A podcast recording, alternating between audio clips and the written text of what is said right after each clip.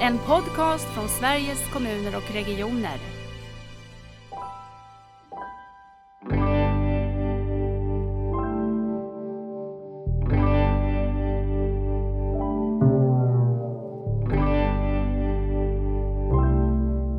replikera vad andra har gjort. Inspireras inte bara, utan replikera. Har man gjort något bra i grannverksamheten, Eh, få ett recept och liksom bara koka ner det snabbt. Och så ha med er målgruppen och fråga vad behöver ni?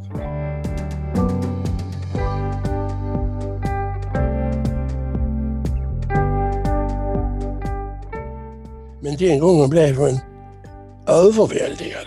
och sa ja.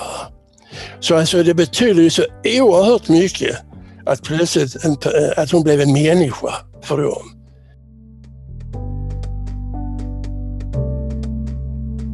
Välkommen till Nära vårdpodden.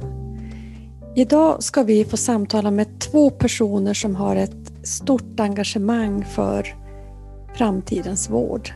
Det är Maria Cavalli och det är Hans-Inge Persson Välkomna till Nära vårdpodden. Ja. Tack så mycket. Jag tänkte vi börjar med vår klassiska fråga i Nära vårdpodden. Vem är du? Vem är du Maria? Ja, i det här sammanhanget så skulle jag vilja kalla mig för en social entreprenör som brinner för att förändra så att anhöriga eller närstående erbjuds stöd utav vård och omsorg. Mm. Eh, och det engagemanget eh, ägnar jag mig åt eh, i att erbjuda digitala verktyg, en bra plats som är en digital plattform för anhörigstöd men också Demenslotsen som är ett informationsspår för anhöriga. Engagemanget kommer från en bakgrund som anhörig där min pappa var sjuk. Just det. Och Hans-Inge, vem är du? Ja, jag, jag är pensionerad och eh, den pensioneringen inföll tyvärr ganska exakt med att min fru blev sjuk. Eh, om det möjligtvis var något positivt i, i den tajmingen så var ju det där att jag kunde vara hos henne heltid dagligen. Och ehm, jag skrev eh, dagbok och den skrev jag åt henne. Den skulle jag ge henne sen när hon blev frisk. Eh, nu blev hon inte det och då blev det min första bok, Den inhumana vården. Och sen dess har jag då arbetat med eh, hälso och sjukvårdsfilosofi och etik. Eh, innan jag pensionerades så jobbade jag här i Skåne 15 år som kommunal förvaltningschef och 8 år som generaldirektör. Mm. På, var var du generaldirektör? En, den myndighet fick i uppgift att se till att eh, vuxna kunde studera på nätet. Vi fick tyvärr ett märkligt namn, Nationellt centrum för flexibelt lärande. Mm -hmm. idag, idag hade det inte varit konstigt men då var det. Mm. Ja men precis, tänk vad vi har lärt oss just om ja. sådana saker. Jag tänker det som jag tycker är unikt med er, det är ju att eh, ni har grunden i den personliga erfarenheten som närstående. Jag undrar om ni vill berätta lite grann? Hans-Inge, du var började med att berätta om dagboken. Kan du säga någonting mer om, om den erfarenhet du har med dig i grunden för ditt engagemang? Ja, alltså eh, jag upptäckte ganska snabbt att eh, vården var en märklig plats att komma till. Jag hade ingen som helst erfarenhet av sjukvård tidigare. Jag märkte att eh, personalen var underbemannad. De sprang det fortaste de kunde, frustrerade. Och jag märkte att de var frustrerade därför att de var tvungna att välja på att utföra sitt jobb så som de själva önskade och så som de tvingades. Jag upptäckte också att de var fjärrstyrda. Jag kom, vissa visste inte ens namnet på verksamhetschefen.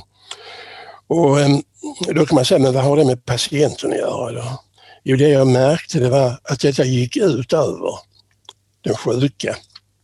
Framförallt därför att kontinuiteten var eh, minimalt. Jag slutade räkna läkare när den 40 kom.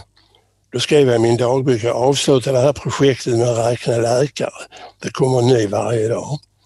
Så att jag, jag förstod att um, det här står inte rätt till. Och jag visste då också att vårdens personal kämpade mot den, den här situationen, den här arbetsmiljön. Och då förstod jag att man kunde ju stötta dem genom att säga det här går ut över de sjuka också. Mm. Och sen var det också så att när Kristina dog så vi stod varandra oerhört nära. Vi gifte oss på hennes 18-årsdag och jag var 20. Vi har varit gifta i 47 år. Så att vi, vi när hon blev förlamad kunde vi prata med varandra genom ögonkontakten. Och jag fick uppdraget av henne, jobba på det här så det blir bättre. Mm. Så för mig är detta en mission som jag fått av henne, men även en passion. Mm. Som du kopplar väldigt mycket mot eh, etiken och det personcentrerade vet jag, vi ska komma in på det mer. Mm. Maria, du berättade att det var din pappa som blev sjuk. Vill du berätta mer om det? Mm. Jag måste säga först att jag blev väldigt berörd och känner igen mig i det där att det här är en mission och en passion. nu kunde inte min pappa själv lämna över det uppdraget till mig för han, ehm, han fick ju en eh, kognitiv sjukdom. Han fick Alzheimers sjukdom och hade de sista åren själv svårt att prata och, och förmedla vad han uh, tyckte och tänkte och kände. Men jag kände ändå under de senare åren i pappas sjukdom så var det väldigt tydligt att man fick ta över ett ansvar för att få vården och omsorgen att fungera. Och nu var jag ju barn till honom så att eh, mm. jag hade inte det största ansvaret men eh, det var väldigt tydligt och jag var ju 15-16 när pappa blev sjuk de första åren kommer jag inte ihåg så tydligt, antagligen för att det var en sån kris i livet. Jag kommer ihåg att jag inte kunde hantera hans sjukdom och att jag inte ville prata om den. Ville inte att mina vänner skulle veta någonting utan mm. behövde vara anonym. Mm. Ehm, men jag engagerade mig efter några år i Alzheimerföreningen och kände redan där och då att det, jag ville göra någonting, alltså skapa någon slags mening av det jobbiga. För många gånger så upplever man och är i behov av ungefär samma information och stöd. Att, att få kunna förmedla den till andra anhöriga så att de slipper genomgå samma resa. Det blev början på den här missionen och passionen Ja, det är verkligen det som förenar er, förutom att ni är skåningar båda två, ska jag säga. Men det tänkte jag på morgonen, en norrbottning ska möta två skåningar. Jag tycker att, och tänkt mycket på att det här att vara eh, närstående eh, och kunna vara, berätta om sin egen erfarenhet är ju kanske ett snäpp mer komplicerat än eh, patientegenerfarenheten eftersom man måste ju ta eh, hänsyn till sin närståendes situation och sin mm. närståendes eh, vilja och vad ska berättas om och så. Har ni funderat och mött mycket det i era möten med andra närstående?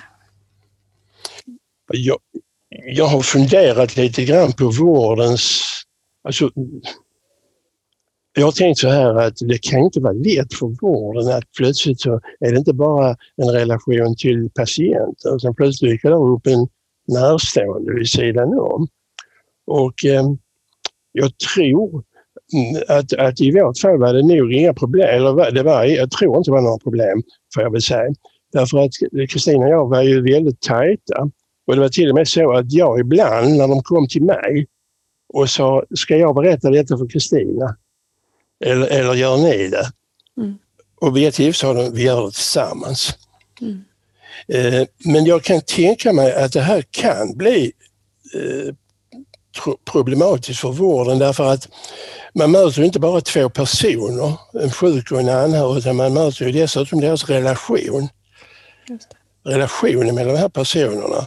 Och ehm, då kanske man också ska prata med dem var och en för sig.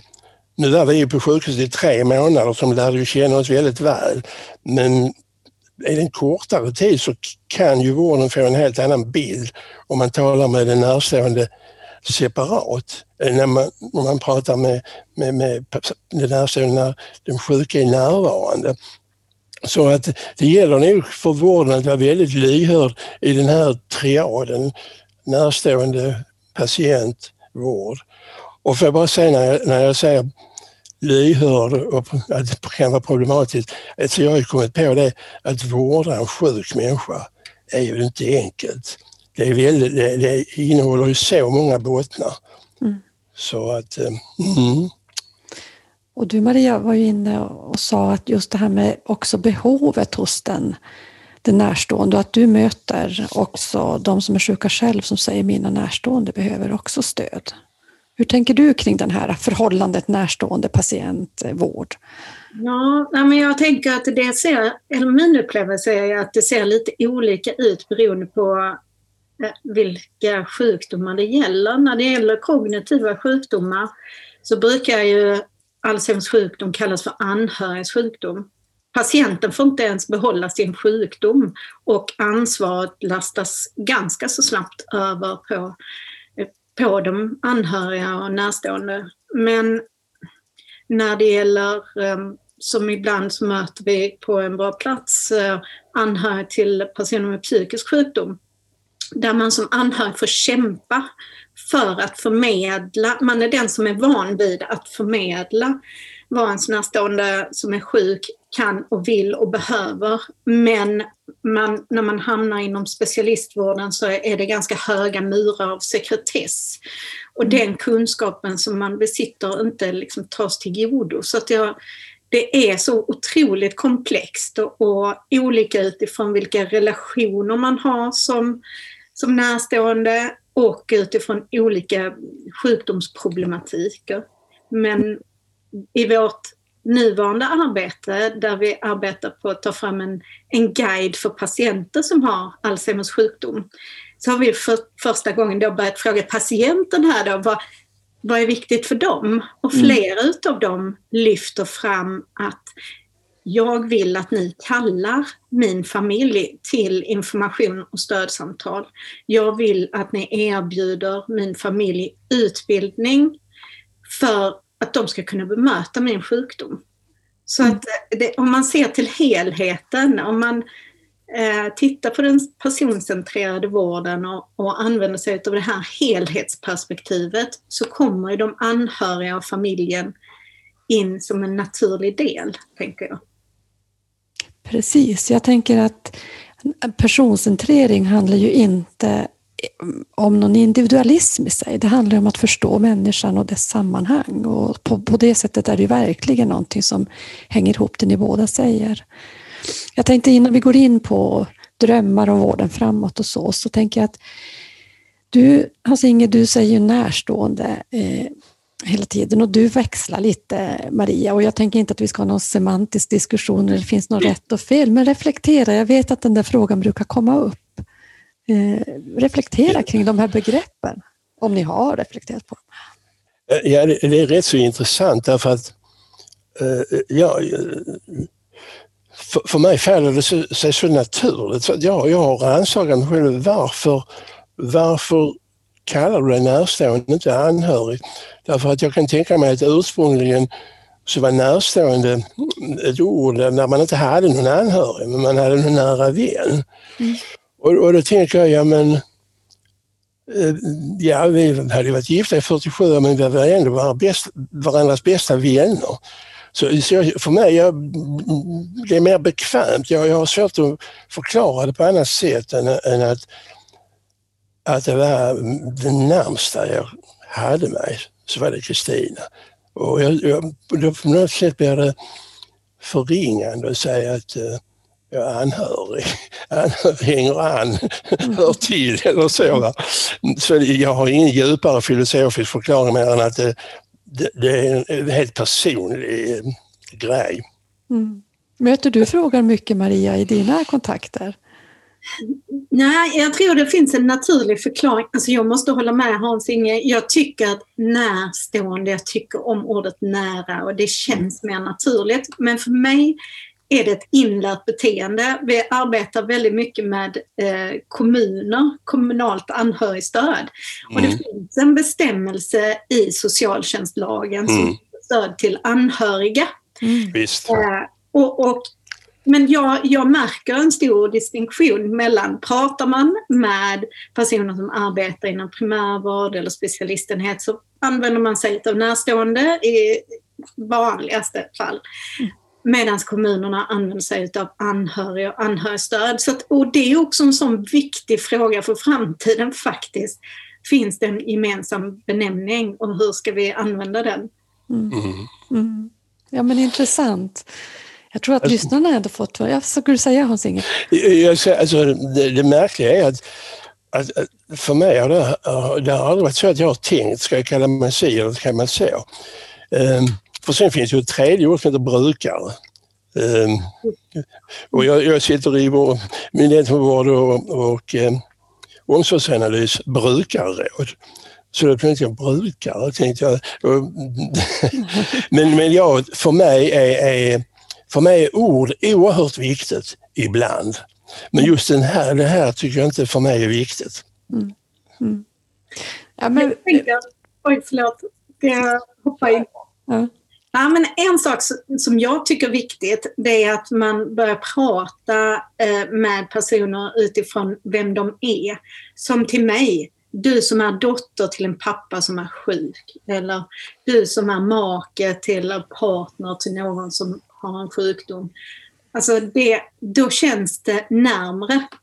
Alltså använda sig utav vad jag tycker att vi har börjat arbeta med, precisionsinformation. Att liksom vara så tydlig som möjligt eh, och prata så att det berör och så mm. att det känns nära. Mm. Kanske något som vi i vård och omsorg behöver träna mycket på eftersom det har blivit, tänker jag, mycket av en kommunikation till, till patient, inte till person. Och eh, det där spelar säkert väldigt stor roll på hur bara inbjudan till möten i vården ser ut, eller kallelser som vi kallar det. och så. Alltså det, det finns ju någonting i det där med ord och begrepp och, som kan förändra tanke, precis som ni båda säger. Men jag, alltså, tänkte... jag håller med dig, alltså, orden formar våra tankar. Ja. Och prata, och, och, och nu, nu blir, måste jag följa, skjuta in en parentes. Och, och, och, vården kan ju använda ord som, som vårdproduktivitet, patientflöde, Mm. Och, och det ogillar jag ju skarpt. Mm. Inte för min egen del, även om jag inte helst vill bli del av ett flöde en gång. Men jag tror att det formar personalens tankar. Att man mm. jobbar med produktion, att man mm. jobbar med produktivitet och med flöden.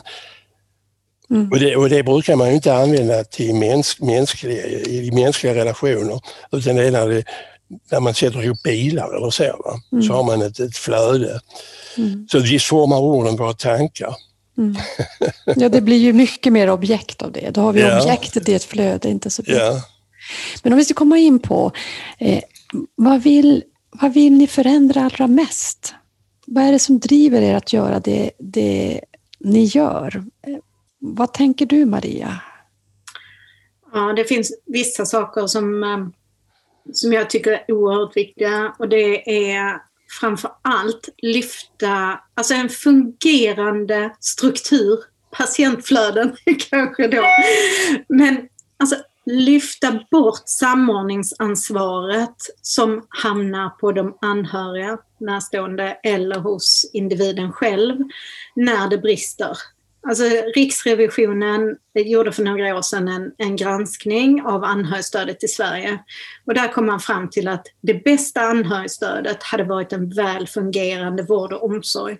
Och det känns så otroligt onödigt att anhörigas energi och resurser som skulle kunna användas till att, att ta hand om och vårda och måna om sin närstående går ut till att samordna och se till att det inte finns något glapp mellan primärvård och kommun eller vem det nu än är som, som man behöver mana på. Och så. Den, det medför också otrolig oro och stress. Så att den biten där tycker jag är absolut viktigast. Varför man... tror du, vad tror du det beror på? Jag tänker, sedan 2010 har vi haft eh, reglerat i patientlagen att man har rätt till en fast vårdkontakt som just beskrivs som någon som ska kunna ha de här samordnande, skapa trygghet och, och säkerhet. Vad tror du det är för krafter som gör att vi inte riktigt får till det? Ja, det, det, är för mig förvånande för att det finns, jag möter varje dag medarbetare inom vård och omsorg som är så engagerade. Väldiga eldsjälar eh, och, och eh, patientföreträdare och anhörigföreträdare som, som vill arbeta åt det hållet. Ehm, jag tror att Alltså en sak som jag funderar på ibland eftersom vi möter mycket eh, organisationer, det är varför det går så sakta ibland i omställningsarbeten. Varför man, man tittar på grannen och säger wow vilket fantastiskt arbete ni har gjort där i er organisation. Och sen så tar det två års utredning och eh, lika lång tid. Och så, alltså, det går för snabbt, eller går för sakta i själva omställningen och implementeringen utav saker som skulle vara så värdefulla för både individen och, och familjen. Mm. Men varför? Det är frågan. Jag tänker det kanske du har reflektioner för, kring Hans-Inge. Varför får vi inte till det då? Och vad är det som driver dig allra mest? Um, ja, alltså jag tror ju att vården har, har en, en eh, dysfunktionell organisation. Och, att det, och, att, och sätter du hur ambitiösa, duktiga, välutbildade människor som helst att arbeta i en organisation som är dysfunktionell så kommer de aldrig kunna utföra ett bra jobb. Och det är där deras frustration uppstår. Och jag tror alltså att, det är det jag säger att vården fjärrstyrs ju av någon som inte finns på plats. Och, ehm, om man, om man fjärrstyr den genom att ha patientflöden och flöden av personal som ska mötas, då blir ju, det blir ju omänskligt. Och då hamnar man i den situationen att det kommer en ny doktor varje dag. Därför i den, i den industriella organisationen det gäller det att ha någon av samma sort som mm. kommer varje dag. Men för människan som alltså för att en människa ska kunna fungera i vårdsituationen så måste den sjuka människan bygga upp ett vi tillsammans med vården.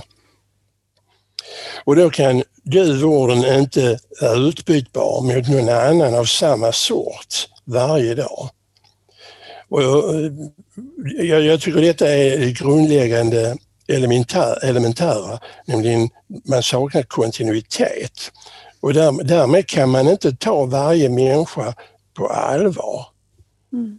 Och därför tittar man ju på det som går att se, nämligen de siffror som finns på de mätbara värdena på människan i journalen.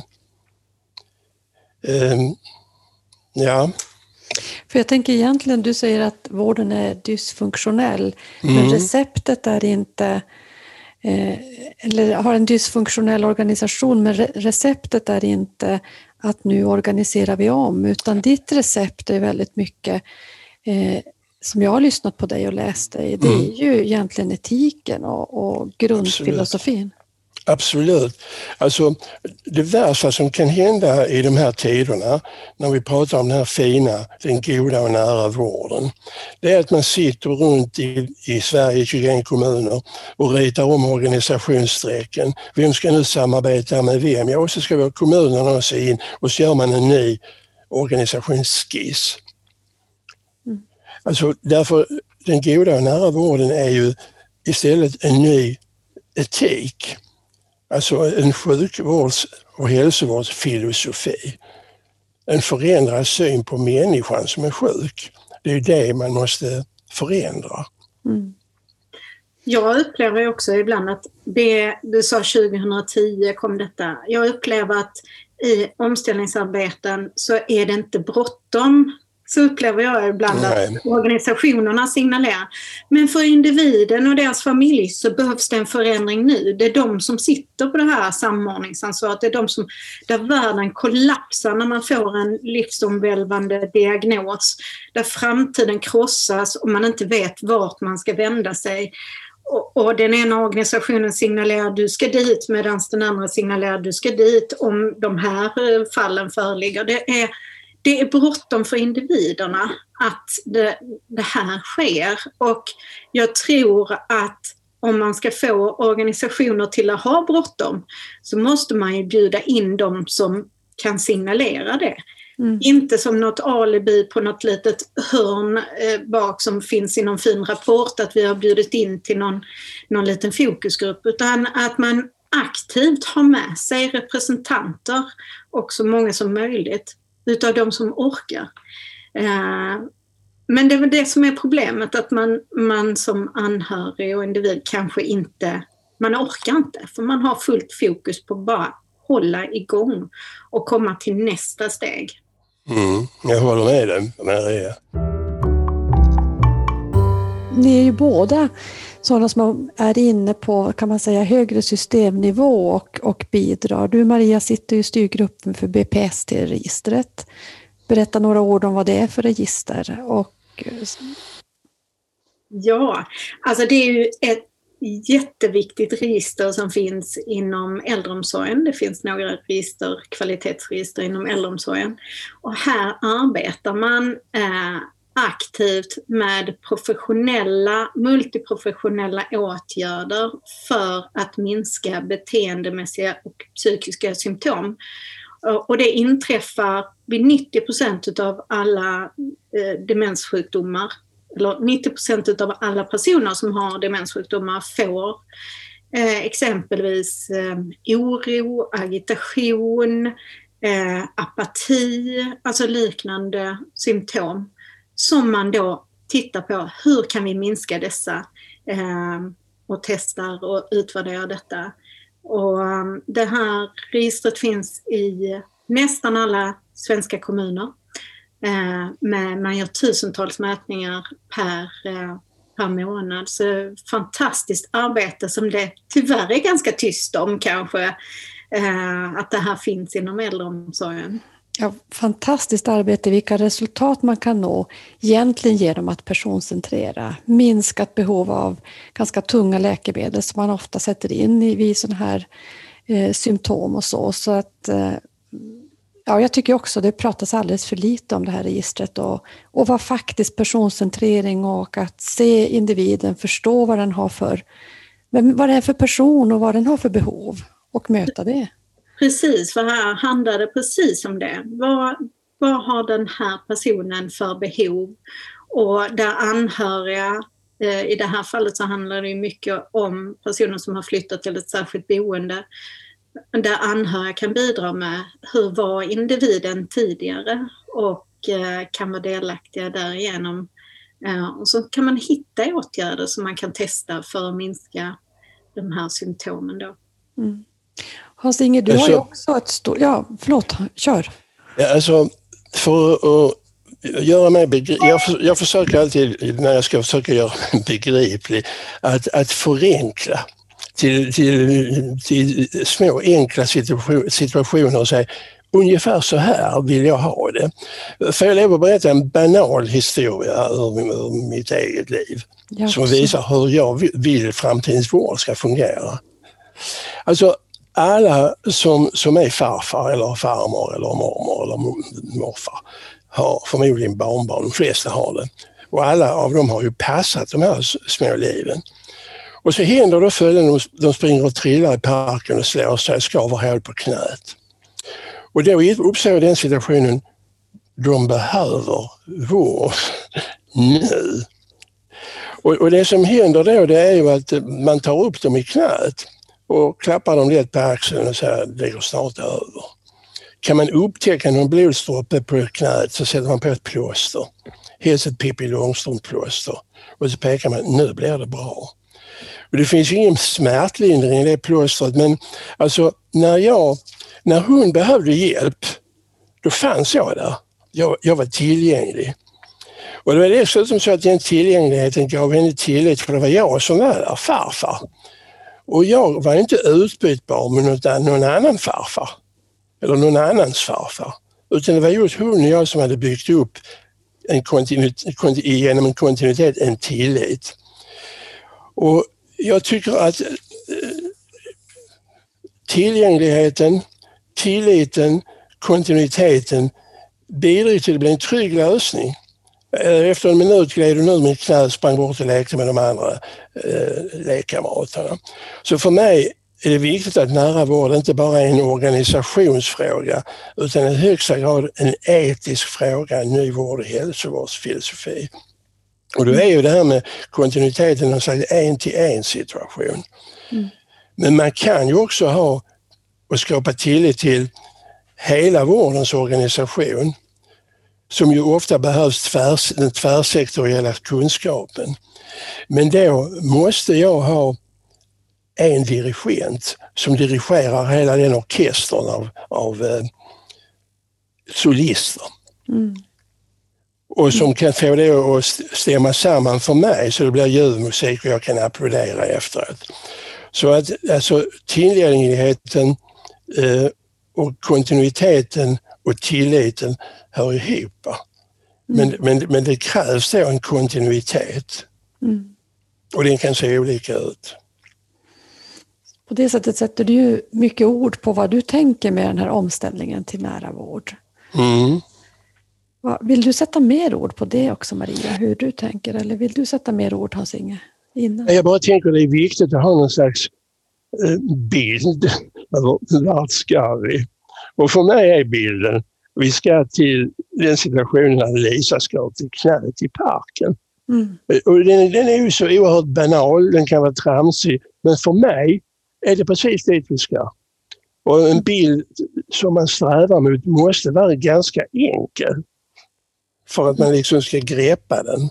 Mm. Och, för, och, och, och, sen kan ju andra säga, jag fattar ingenting av det, det har väl inte med sjukvården att göra. Nej, kanske inte för dig, men för mig beskriver den exakt framtiden. Mm. Har du någon sån där bild, Maria, hur du tänker framtiden?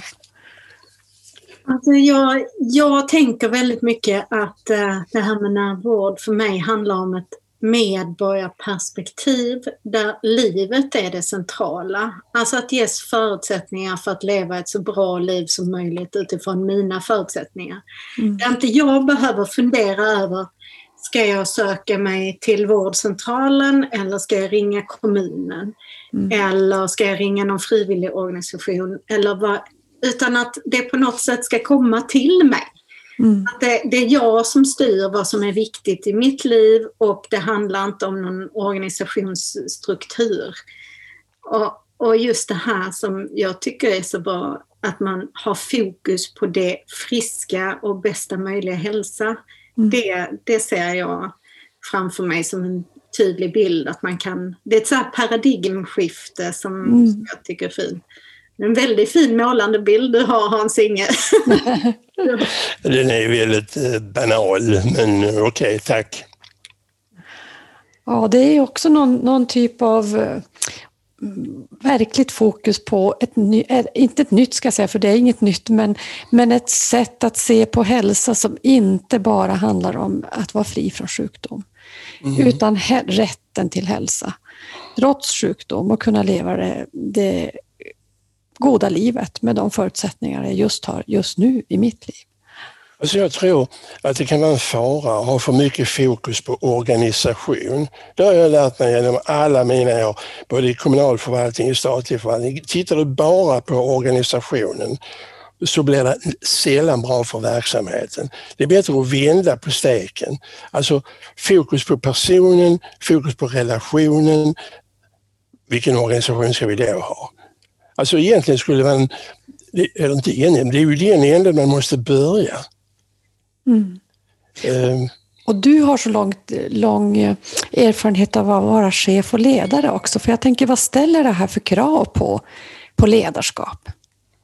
Alltså, om man ska jobba så att man ska ha fokus på person, relation, på verksamheten, hur ska det se ut i klassrummen, hur ska vi rigga det för vuxnas lärande, det kan inte jag som sitter på, på regeringskansliet eller i kommunhuset börja rita den organisationen.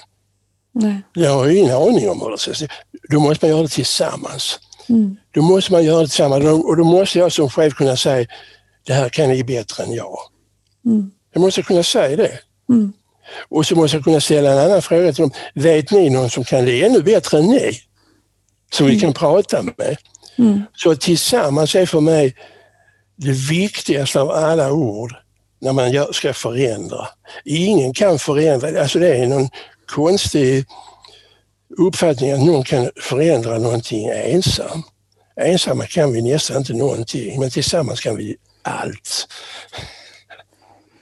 För jag tänker också, det, det är ju det ni båda beskriver någonstans. Det här är någon connection av relationer. Relationen mm. mellan patienten, närstående, vården, men också mellan många aktörer. Det kan vara kommun och region, mm. det kan också vara civilsamhället. Jag tänker mm.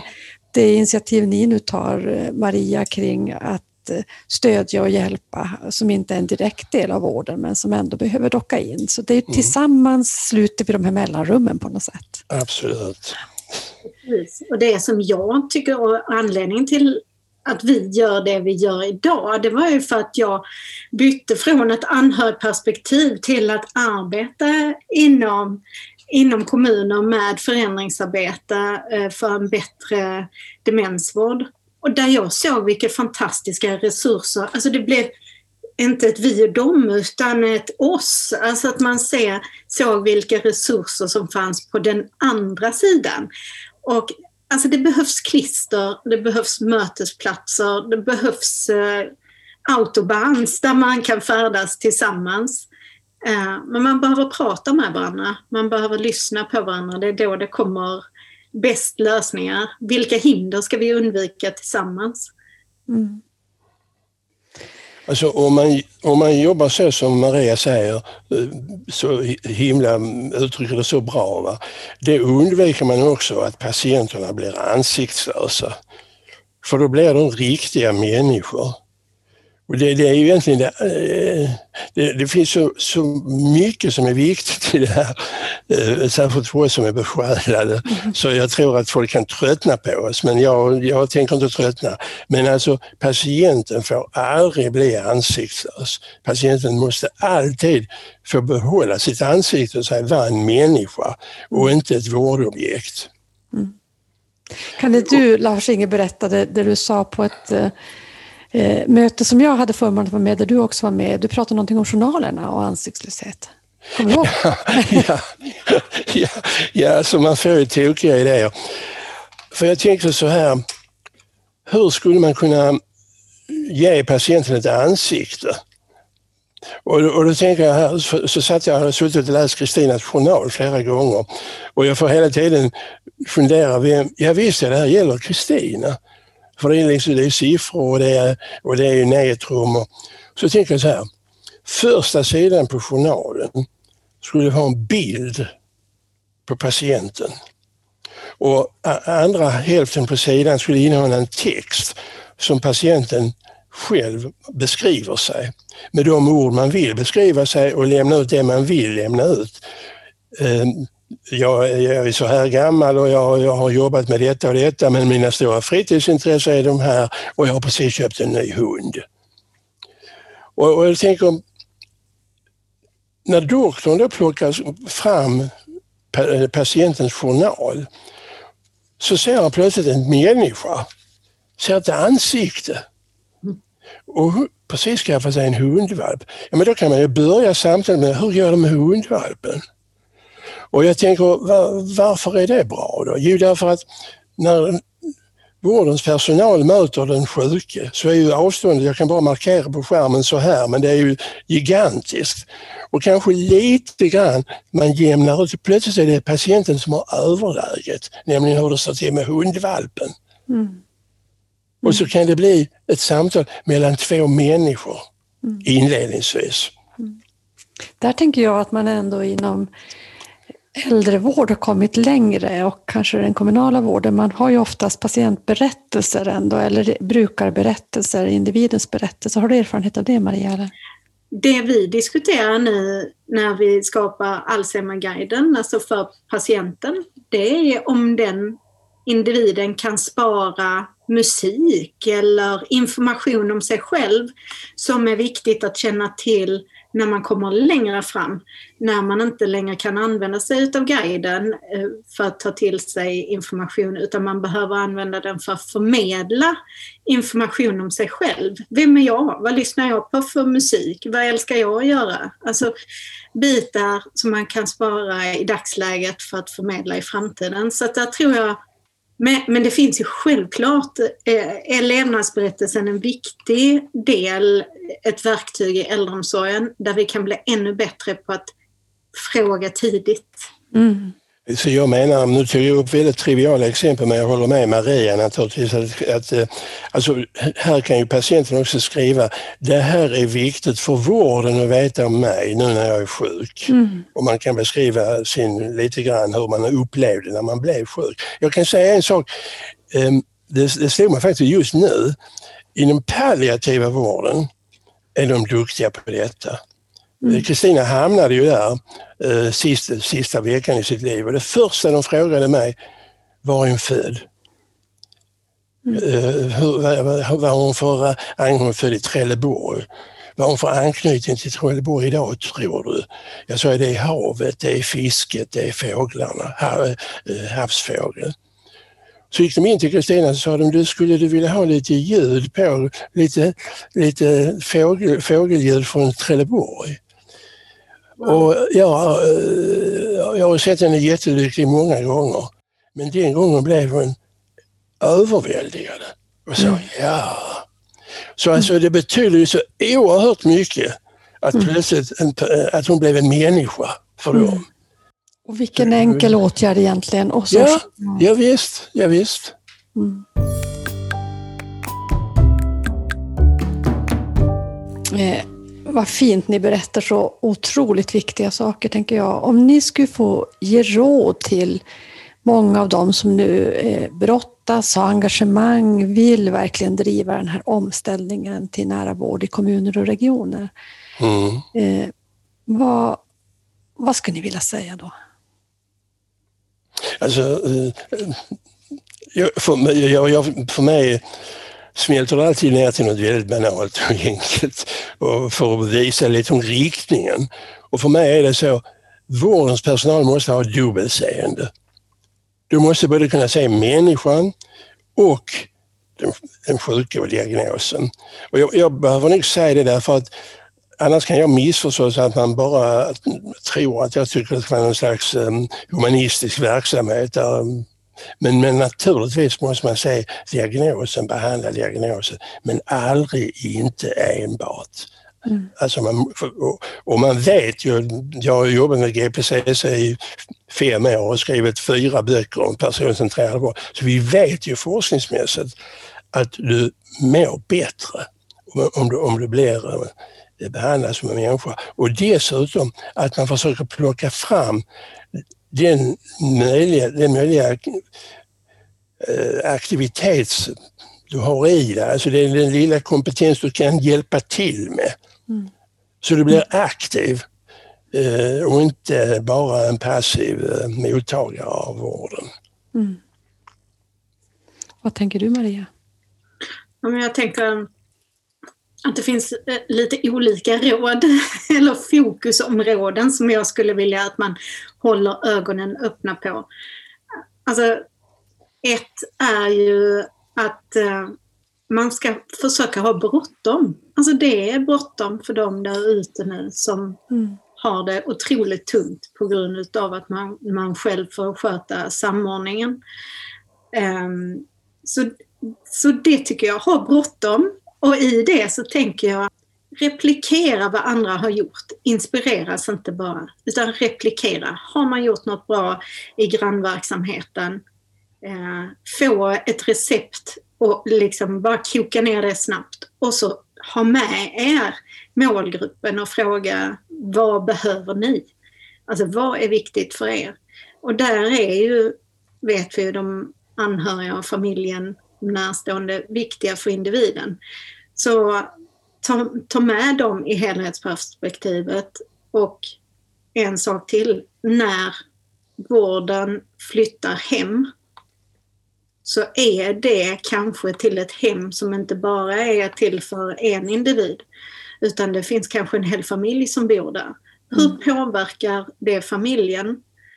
Eh, vill de vara delaktiga?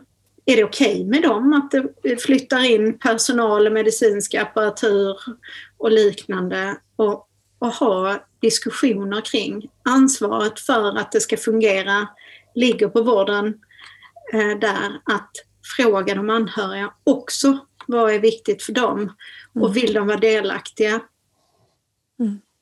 Maria, jag måste få lov att kommentera. Jag tyckte det var så himla bra det du sa. Och, och alltså vi, vi, vi hör ju alltid det som eh, ligger oss själv varmast om hjärtat och nu vaknade plötsligt utbildningsmänniskan inom mig. Jag tänkte yes, Maria hon sa det. Eh, det du berättar om det kallas för kollegialt lärande. Och det är så fantastiskt fint om man kan ställa den frågan är det någon annan som kan detta bättre än, än, än vad jag kan? Och så hittar man någon kollega, det kan vara på samma sjukhus, det kan vara i nästa kommun. Och så ringer man dit och frågar och den personen kommer ju växa så enormt eh, och bli så stolt och få lov att visa upp detta. Och det, ännu mer gör vi det tillsammans och man kan göra studiebesök och man kan återvända. Man kan ställa frågor. Nu gjorde vi så här och det blev ju inte bra. Nej men ni gjorde fel, så här ska ni göra istället. Kollegiala lärande. Tack Maria för att du gav mig den inputen. Ja, och tack för att jag fick den terminologin. För det är som sagt var med ord och ha det med Ja, sig. kollegialt lärande, nu lärde vi oss det. Hörrni, vi ska börja avrunda detta jättespännande samtal. Eh, Jag skulle vilja, innan jag ställer min sista fråga, ändå fråga om, eh, om vi nu vill utveckla den här vårdpodden, vad, vad brukar ni lyssna på? Vad tycker ni vore spännande att lyssna på? Så det jag har lyssnat på tycker jag har varit oerhört intressant därför att ni plockar fram människor som, som är så nära verksamheten. Mm. Och, och, det, och, och, och ni har ju förstått att det här inte är en organisationsfråga. Lisbeth, och det är jag inte förvånad över. Men, men det, ni, därmed är ni jätteviktiga. Vad tänker du Maria? Ja, men jag, jag gillar det här när det blir um, crossover, liksom, där man kanske kan hitta exempel från, inte från vård och omsorg, som skulle kunna omsättas i vård och omsorg. Eh, och också civilsamhället där det finns sån otrolig kraft och energi. Och, eh, det för mig är är storheten i omställningen av närvård, att det handlar om livet, inte vård och omsorg. Mm. Hörni, eh, då vill jag ju fråga er vad nära betyder för er. Så, eh, jag, jag, jag, jag har tänkt på det väldigt mycket just därför att eh, Anna Negros utredning heter så. Eh, varför man har valt ordet nära. Och, eh, ordet nära är ju, det, det kan betyda så oändligt mycket. Alltså både fysiskt, man ska komma, komma till nära. Men nära är ju också eh, eh, kära och nära till exempel. Det finns, finns alltså en, en ömhet i det ordet som, som jag gillar. Så att jag, för mig betyder nära både en, i, i det här sammanhanget, eh, vården, att, att den både är tillgänglig, att den är tillitsfull. Och eh, är den tillitsfull så måste det finnas en kontinuitet i den. Så det för mig eh, betyder det så. Mm. Tack. Maria? Ja, så klokt. Jag kan bara skriva under på det. Jag, också just det där perspektivet att det kan vara det här fysiska, att det är liksom någonting som jag nästan kan ta på, som är i min närhet, men också känslomässigt att eh, det är mig nära. Mm. Stort tack för att ni ville vara med i Nära vårdpodden. Tack. Tack för att vi fick vara med. Tack så mycket. Det var kul. Vi ses. Vi ses. Tack.